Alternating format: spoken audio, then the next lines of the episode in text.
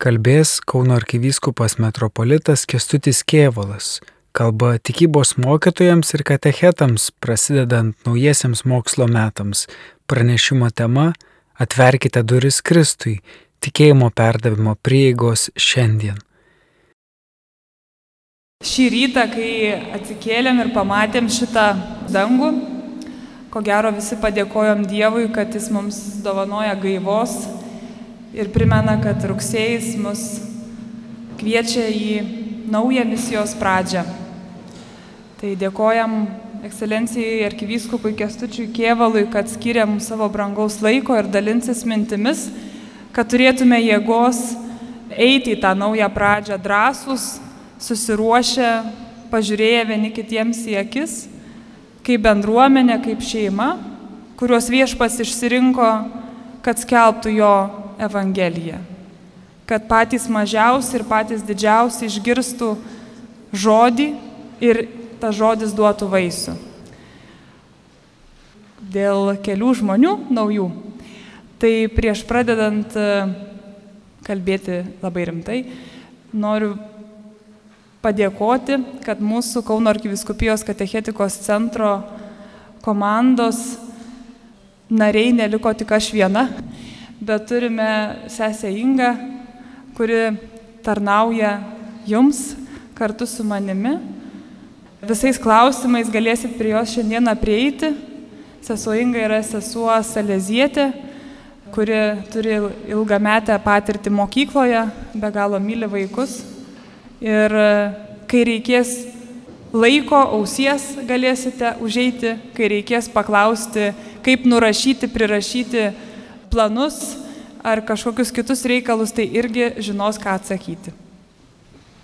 Ir taip pat labai dėkojam, kad turim dar vieną žmogų, kuris mus lydi pirmiausia malda, išmintingais patarimais ir pagal galimybės buvimu ir patarnavimu liturgijoje ir visur kaip kunigui Martynui Pavilaičiui, kuris yra paskirtas Kauno arkiviskupijos katechetikos centro kapilionu tai tikrai bendrausime, matysite jį ir vėlgi galite kreiptis, būkite drąsus, jis yra jums.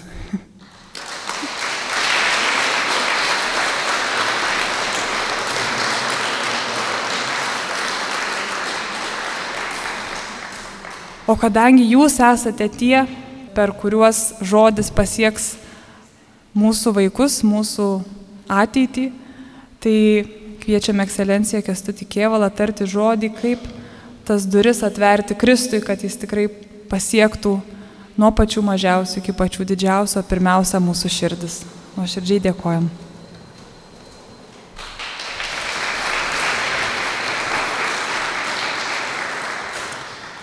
Ateik šventoji dvasia į mūsų širdis, į mūsų mintis, į mūsų gyvenimą, kad jis būtų įkvėptas tavo viešpatė meilės ir troškimo liūdyti dangaus karalystę, į kurią tu mus kvieti.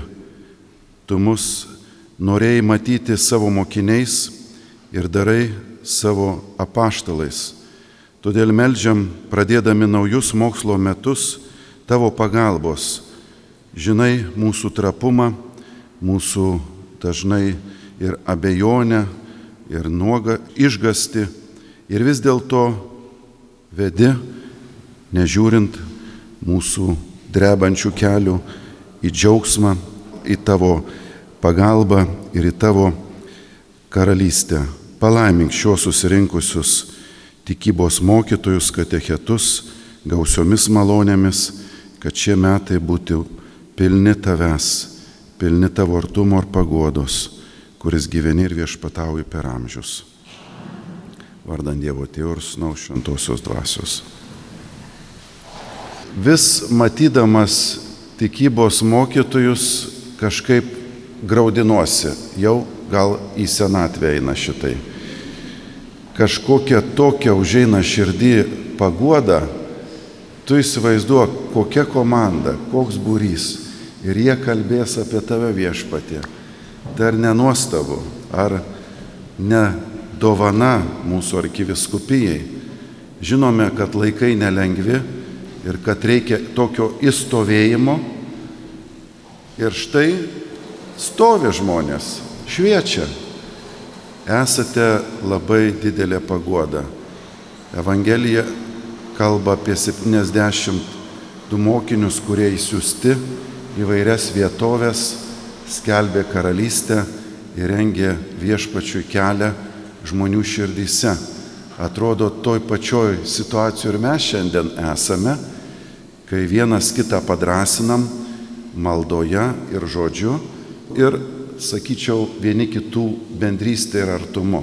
Vis tiek smagu matyti ir pabūti tikybos mokytojų aplinkoj, nes į širdį leidžiasi mintis, kad aš ne vienas, viena, čia mūsų daug ir mes jėga ir mums viešpats padeda. Tai kasgi prieš mus, tarp mūsų kalbant.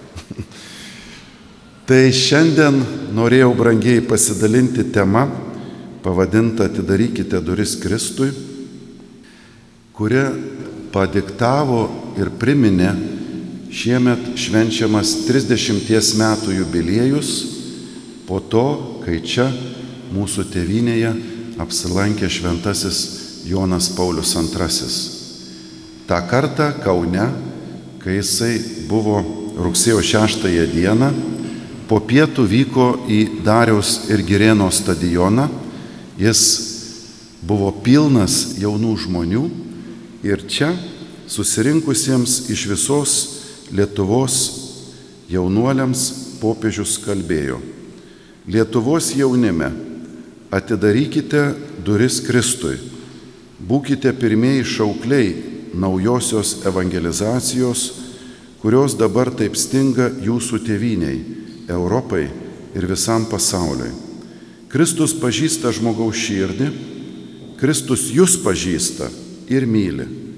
Vien tik jis gali visiškai patenkinti esminius žmogaus dvasios poreikius ir troškimus.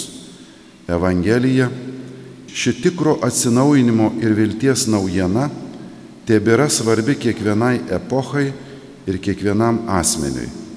Primkite ją kaip išganimo dovana, paverskite ją kasdieninio gyvenimo normą, ją skelbkite ir liūdikite būkite Kristaus liudytojai.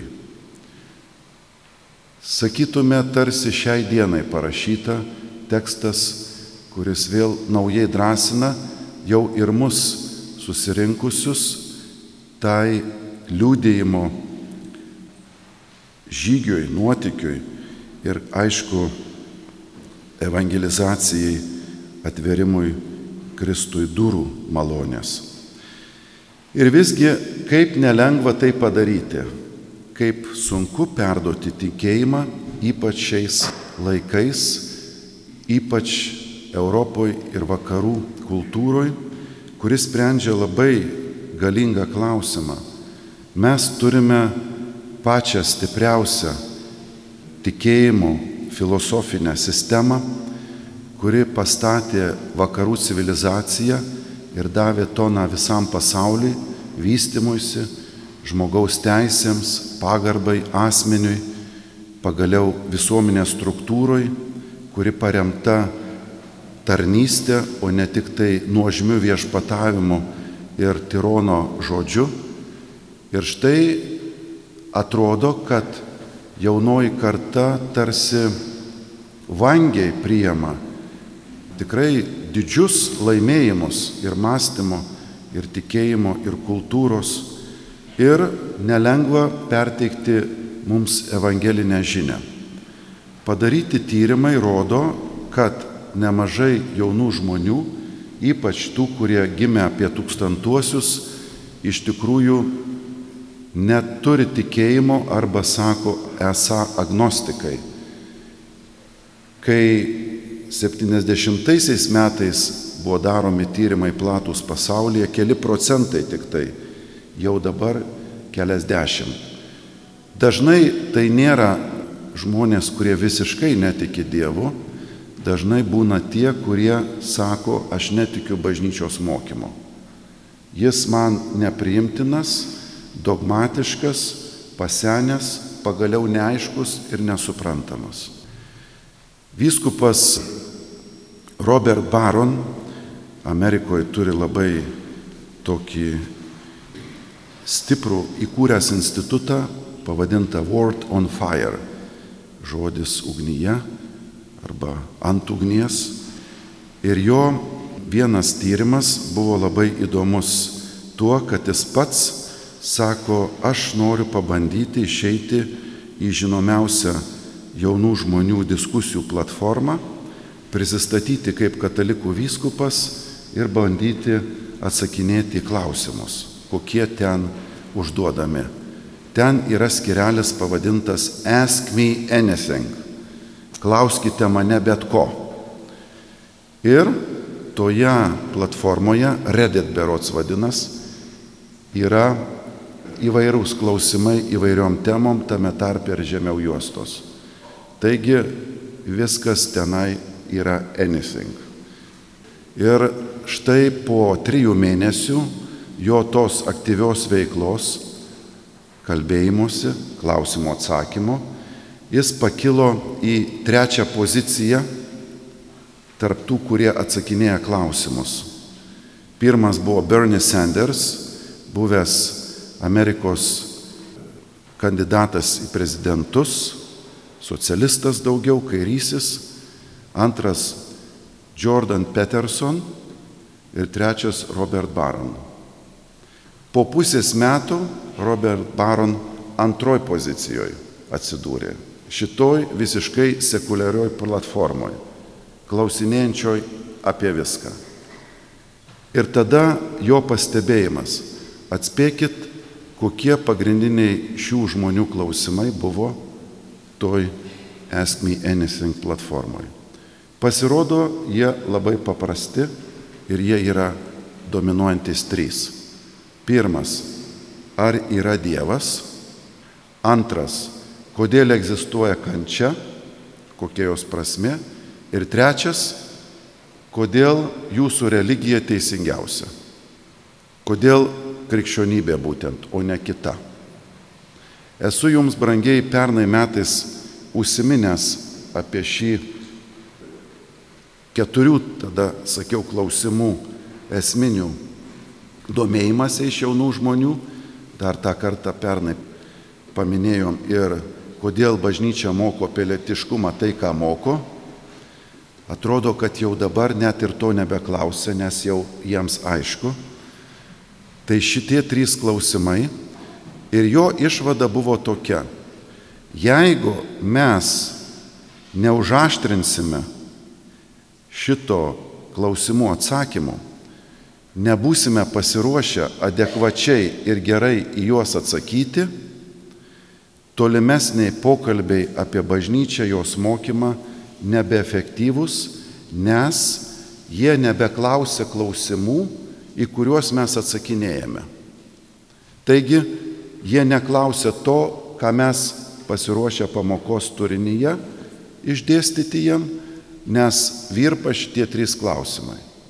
Aišku, galbūt mūsų teviniai 50 procentų vidutiniškai Lietuvoje renkasi tikybą, nėra dar taip aštriai šitie klausimai išreikšti, bet jeigu jie patys, kaip jauni žmonės, negaus adekvačių atsakymų, jie savo bendramžių būryje bus suvinioti kaip šilkas, pasak liaudės. Nes jeigu tu neturi šitoj vietoj stiprumo, neturi galimybės paliūdyti, kodėl tu esi tikintis ir kodėl tu esi krikščionis. Ir tada jiems ateina tokia neviltis, nes netikintys draugai juos įveikia labai lengvai. Viens, du, mokslas, tyrimai, dėk ant stalo ir jisai, žiūrėk, turi nu, tokį nepasitenkinimo jausmą.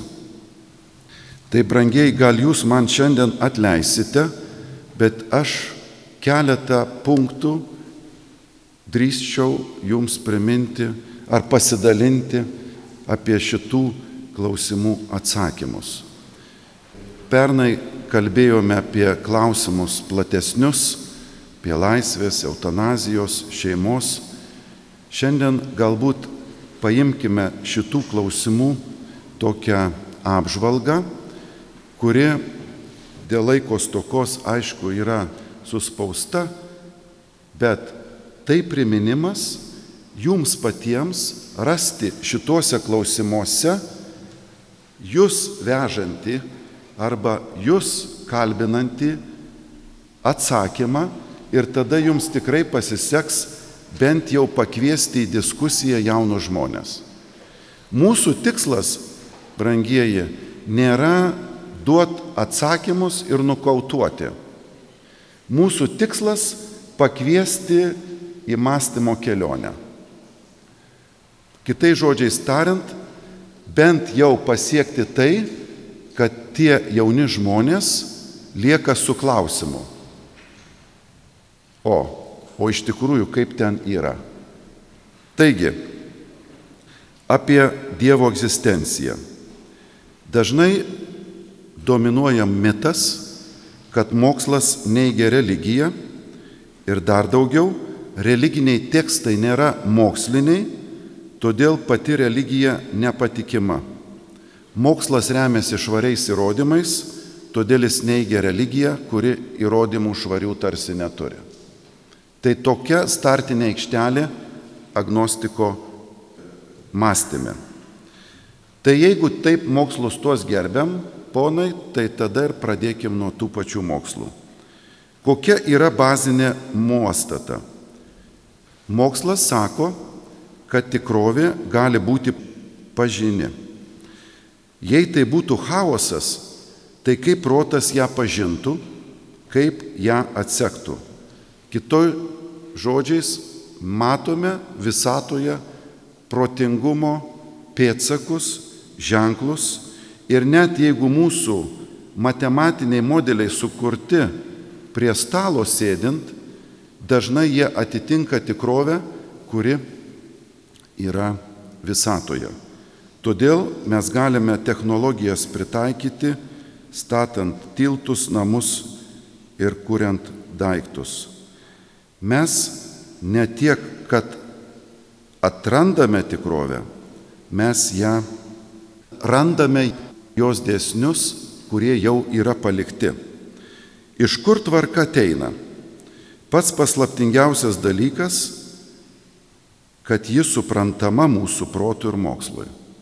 Va tai kas, jinai gali būti veikiama mano protu, aišku, daug paslapčių, bet jinai man pasiduoda, mano protui pasiduoda. Tai reiškia, ten taip pat yra proto pėtsakai. Aš pamastau, kas anksčiau jau buvo pamastyta. Pasaulis nėra chaotiškas, bet yra protingas, nes jis yra pažinus dėl anksčiau čia buvusio protingumo. Josefas Ratzingeris labai įdomiai kalba, sakydamas, kad modernus fizikos mokslas atėjo iš krikščioniškojų universitetų, kurie mokė, kad yra kuriejas, yra protas, kurį mes pažįstame. Tik tai Europoje universitetų dėka alchemija, kuri dominavo visam pasauliu, Europoje tapo chemijos mokslu. Anksčiau, reiškia, va, imi podelį geri, pasveiksi. Kaip tas podelio turinys susijęs su mano sveikata, čia jau nėra klausimų. Alchemija nesidomi tuo. Tai daugiau yra mitologinio tikėjimo pasiekme. Mokslas būtent krikščioniškoje aplinkoje kyla dėl pastangos pažinti kurėją. Iš pagarbos jam aš domiuosi jo tvarka ir atrandu su aha momentais. Įdomi yra tokio šio laikinio krikščionio apologeto Viljamo Lane Craigo Dievo egzistavimo pagrindimas arba argumentas, pavadintas Kalamo kosmologiniu argumentu, kuris susideda iš trijų dalių. Viskas, kas pradeda egzistuoti, turi savo atsiradimo priežastį. Pirmas argumentas. Tai jeigu kas yra, turi turėti priežastį. Niekas šitoje vietoje nesiginčia. Antras, visata pradėjo egzistuoti. Šitą sako mokslas, Bing Bang teorija, didžiojo sprogimo, kad jinai turėjo pradžią. Niekas nesiginčia. Todėl trečia išvada, todėl visata turi savo atsiradimo priežastį esančią už jos ribų. Šitas toks pakankamai paprastas argumentas, tačiau įtraukia ir mokslą, ne tik tai filosofiją. Pavyzdžiui, kai kalbama apie Tomo Akviniečio tą pagrindinį argumentą, kad viskas juda ir turi būti nejudantis judintojas. Nes nori, nenori, ta grandinė turi atsiremti į kažką, į pagrindą. Tai tai yra tvarkoj filosofinė prasme, apie priežastį kalbant, bet šitas argumentas įtraukia taip pat ir mokslą apie visatos pradžią.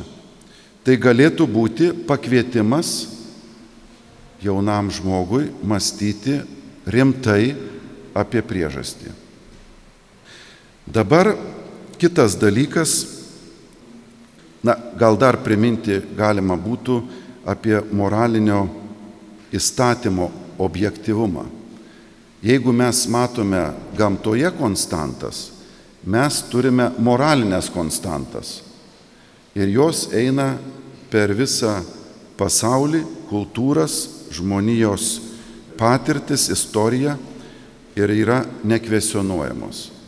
Pavyzdžiui, nežudyk, pavyzdžiui, gerb kitą žmogų ir tokiu būdu kalba, kad tai nėra tik subjektyvi, sugalvota ar susitarta tikrovė. Jis objektyvi.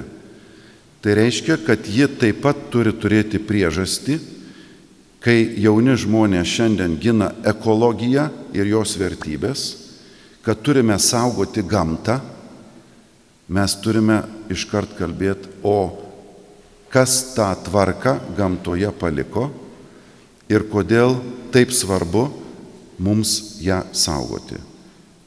Tai reiškia, kad turime tam tikrą nekvesionuojamą ir fizinę ir moralinę tvarką, kuri nepriklauso nuo mūsų susitarimų, požiūrio ar įsilavinimo. Antrasis klausimas apie kančią.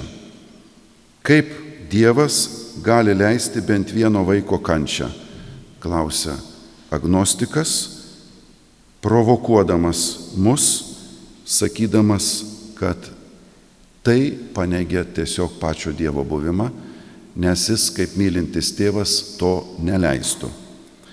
Mes Tomo Akviniečio paaiškinimo dėka kalbame, kad Dievas nesukūrė blogio, tai yra gėrio trūkumas, tačiau blogis būdamas gėrio trūkumu visgi egzistuoja ir Dievas leidžia tam blogiui egzistuoti.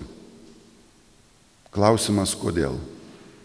Vienintelis atrodo logiškas atsakymas toksai. Dievas leidžia blogiui egzistuoti, kad iš jo gimtų daugiau gėrio. Tik ši priežastis gali bent kažkiek paaiškinti. Šiaip kančia yra slėpinys, sunkiai mūsų protu paaiškinama ir geras pavyzdys yra Jobo drama, kur ten tiesiai šviesiai viešpats klausimas, kodėl egzistuoja teisiojo kančia. Ir Dievas atsako pačiu ilgiausiu kalbėjimu visam Senajam testamente. Kur tu buvai, kai aš žemės pamatus dėjau?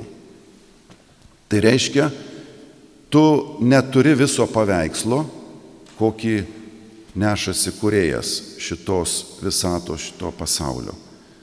Todėl mes, žiūrėdami iš savo laiko perspektyvos, vertindami pagal savo patirtį, galime pasakyti, kad Dievas tą leidžia tik dėl to, kad kažkoks mums gal sunkiai suvokiamas, bet visgi iš to kils gėris, Ir tai, kad aišku yra slėpinys. Pats Robert Baron sako, kai buvau septyniarių metų, man reikėjo vežti į kliniką šuniuką savo paskiepyti. Ir aš jį nusinešiau į tą jau laboratoriją ir reikėjo guldyti ant tokio gulto jau jį ir sako, jis visas dreba. Aš jį turiu laikyti jėga. Ir staiga prieš tą, reiškia, suleidimą vaistų, jis sako, atsisuko mane ir pažiūrėjo tokiam akim, kuriuose buvo klausimas, kodėl tu man tą darai? Ir sako, aš tiesiog norėjau jam paaiškinti. Ir kaip tu jam paaiškinsi, įsivaizduokit. Ir tu turi tiesiog nuryti ir uždengtas akis ir leisti tą skiepą. Tas pats vaikam, pavyzdžiui, ne, mažiem, kaip tu paaiškinsi, kodėl mama veda į ligoninę į tas visokias procedūras ir turi taip skausminga būti. Sunku paaiškinti ir mes kaip suaugusieji, kaip čia pasakys, turim tam tikrą galbūt net pačio viešpaties patirtį, kad nėra įmanoma paaiškinti, bet tas būtina. Ne. Dabar šitas atsakymas gali daug ką suerzinti. Kai kurie gali dar labiau supykti, atseit Dievas tiesiog kankina žmonės, ieškodamas iš to gero. Visgi, kaip ten bebūtų, mes pamokas dažniausiai turime stipriausias per savo neigiamas patirtis, per pamokas, kurios mūsų purtė, kurios buvo ir išbandymas, netgi kančia. Taigi tas sakinys, nors jis galbūt nėra tobulas, galėtų bent praverti pokalbiui duris. Atverkite duris Kristui, tai atverti taip pat ir mąstymui apie tuos dalykus, bandant paaiškinti tikrovę, kad jinai yra prasminga, nes dėmesio priežastis yra pasauliui, priežastis yra mums, tai ir šiam dalykui turi būti priežastis. Ir ieškoti tai yra mūsų pastangos. Nukirsti paieškas reiškia pasiduoti dar daugiau, sugadinti savo gyvenimą, nes jisai anksčiau ir vėliau susidurs akivaizdžiai su šitu klausimu ir teks tada ieškoti atsakymo be laiko pamastyti. Na ir trečias dalykas, kodėl būti krikščionimi. Šiandienos kultūra kalba apie toleranciją, įtraukimą, apie tai, kad kiekvienas turi savo gyventi gyvenimą, kaip jis išmano. Skelbti Evangeliją atrodo beveik yra nepriimtina. Tai jūs turėkit savo tikėjimą savo, o aš savo supratimą turiu savo.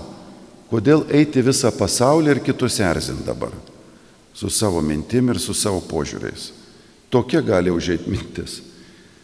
Bendrai imant, šitas pasaulis atima iš mūsų entuzijazmą skelbti. Ir vis dėlto Jėzus tą mums sako, ne dėl to, kad aš noriu dominuoti savo mąstymo sistemą žmonių protose, bet dėl to, kad tą darau iš meilės. Nes aš tikiu, kad tai yra geriausia žmogaus gyvenimo versija. Ir tą darau iš meilės tau, nes jei man nerūpėtų, aš neušinčiau burnos. Jeigu tavęs nemylėčiau, nesistengčiau. Dabar, kad aš kalbu, yra mano troškimas perduoti tai, ką aš suprantu, žinau ir atradęs esu. Krikščioniško pasaulio supratime nėra karmos. Nors Biblijoje yra karmos elementų, tačiau pati Biblija nėra karmos religija, bet malonės religija. Karma yra atlyginimo ir teisingumo principas. Dievas myli mus net tada, kai mes to nenusipelnėme. Įdomu, kad visi tikėjimai dažnai turi šitą karmos principą kaip nekvesionuojamą. Kitai žodžiais tariant, tu pats sieki Dievo, tarsi lipdamas į aukštą kalną. Visos religijos kalba apie žmogaus Dievo paiešką. Tuo tarpu krikščionybė, judajimas kalba tuo, kad Dievas pats išėjo mūsų ieškoti. Tai jam parūpo mūsų egzistencija, mūsų laimė ir atvirkščiai, ne mes jo ieškom, bet jis mus ieško ir bando atrasti. Mes arba atsiliepiam, arba ne. Krikščionybė yra įsikūnymo tikėjimas. Asmenis Dievas, kuris mus ieško, jis tampa vienas iš mūsų. Dievas taip pamilo pasaulį, kad jis tapo vienas iš mūsų, kad mes būtume kaip jis. Tai reiškia sudėvinti. Mes galime apie tai kalbėti, krikščionybė tuo skiriasi nuo kitų religijų. Jokia religija nesiūlo nieko panašaus, kad Dievas tapo vienas iš mūsų. Tai yra absoliučiai unikali mintis ir absoliučiai originali. Nėra kito tokio teiginio. Dabar kitas argumentas, kuris dažnas agnostikų pusiai, kad jūs kelbėt, kad Jėzus yra Dievas. Iš kur tai? Geras mokytojas, taip. Istorinė figūra, taip. Istorikų patvirtinta, kad egzistavusi, taip. Bet kodėl Dievas? Kas jums sakė? Aišku, mes pradedame natūraliai nuo raštų, evangelijų, kuri pati stipriausia yra Jono evangelija. Aš ir tėvas esame viena. Arba anksčiau negu Abromas buvau aš. Kas mato mane, mato tėvą. Tai, žinot, jau stiprokė teiginiai, sakantis, kad aš esu tas, kurio jūs laukiate. Bet tada teiginys, okei, okay, Jono Evangelija buvo parašyta apie šimtuosius metus. Tai jūs, ponai, per tuos laikus prisimastyt visokių dalykų ir sudėvinote savo mokytoją taip, kad norėtumėt, kad jis būtų gyvas ir mus apgavo čia su juo.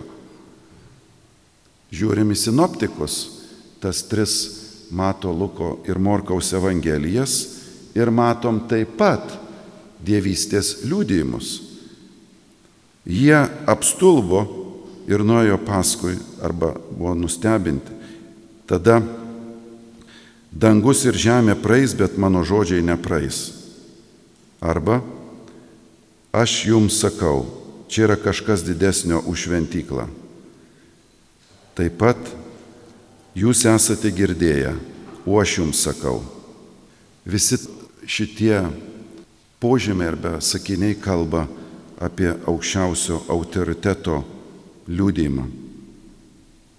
Pavyzdžiui, gerb tėvą ir motiną įsakymas, jisai sako, kas nepalieka tėvo ir motinos, nevertas manęs. Kas gali tokį dalyką padaryti? Kas gali taip aiškinti torą, sako žydų rabinai. Ir atsakymas, tas, kuris yra kuriejas pasaulio, tą gali daryti. Jis turi autoritetą aiškinti. Todėl jis yra Dievas, iš to sakinio skamba.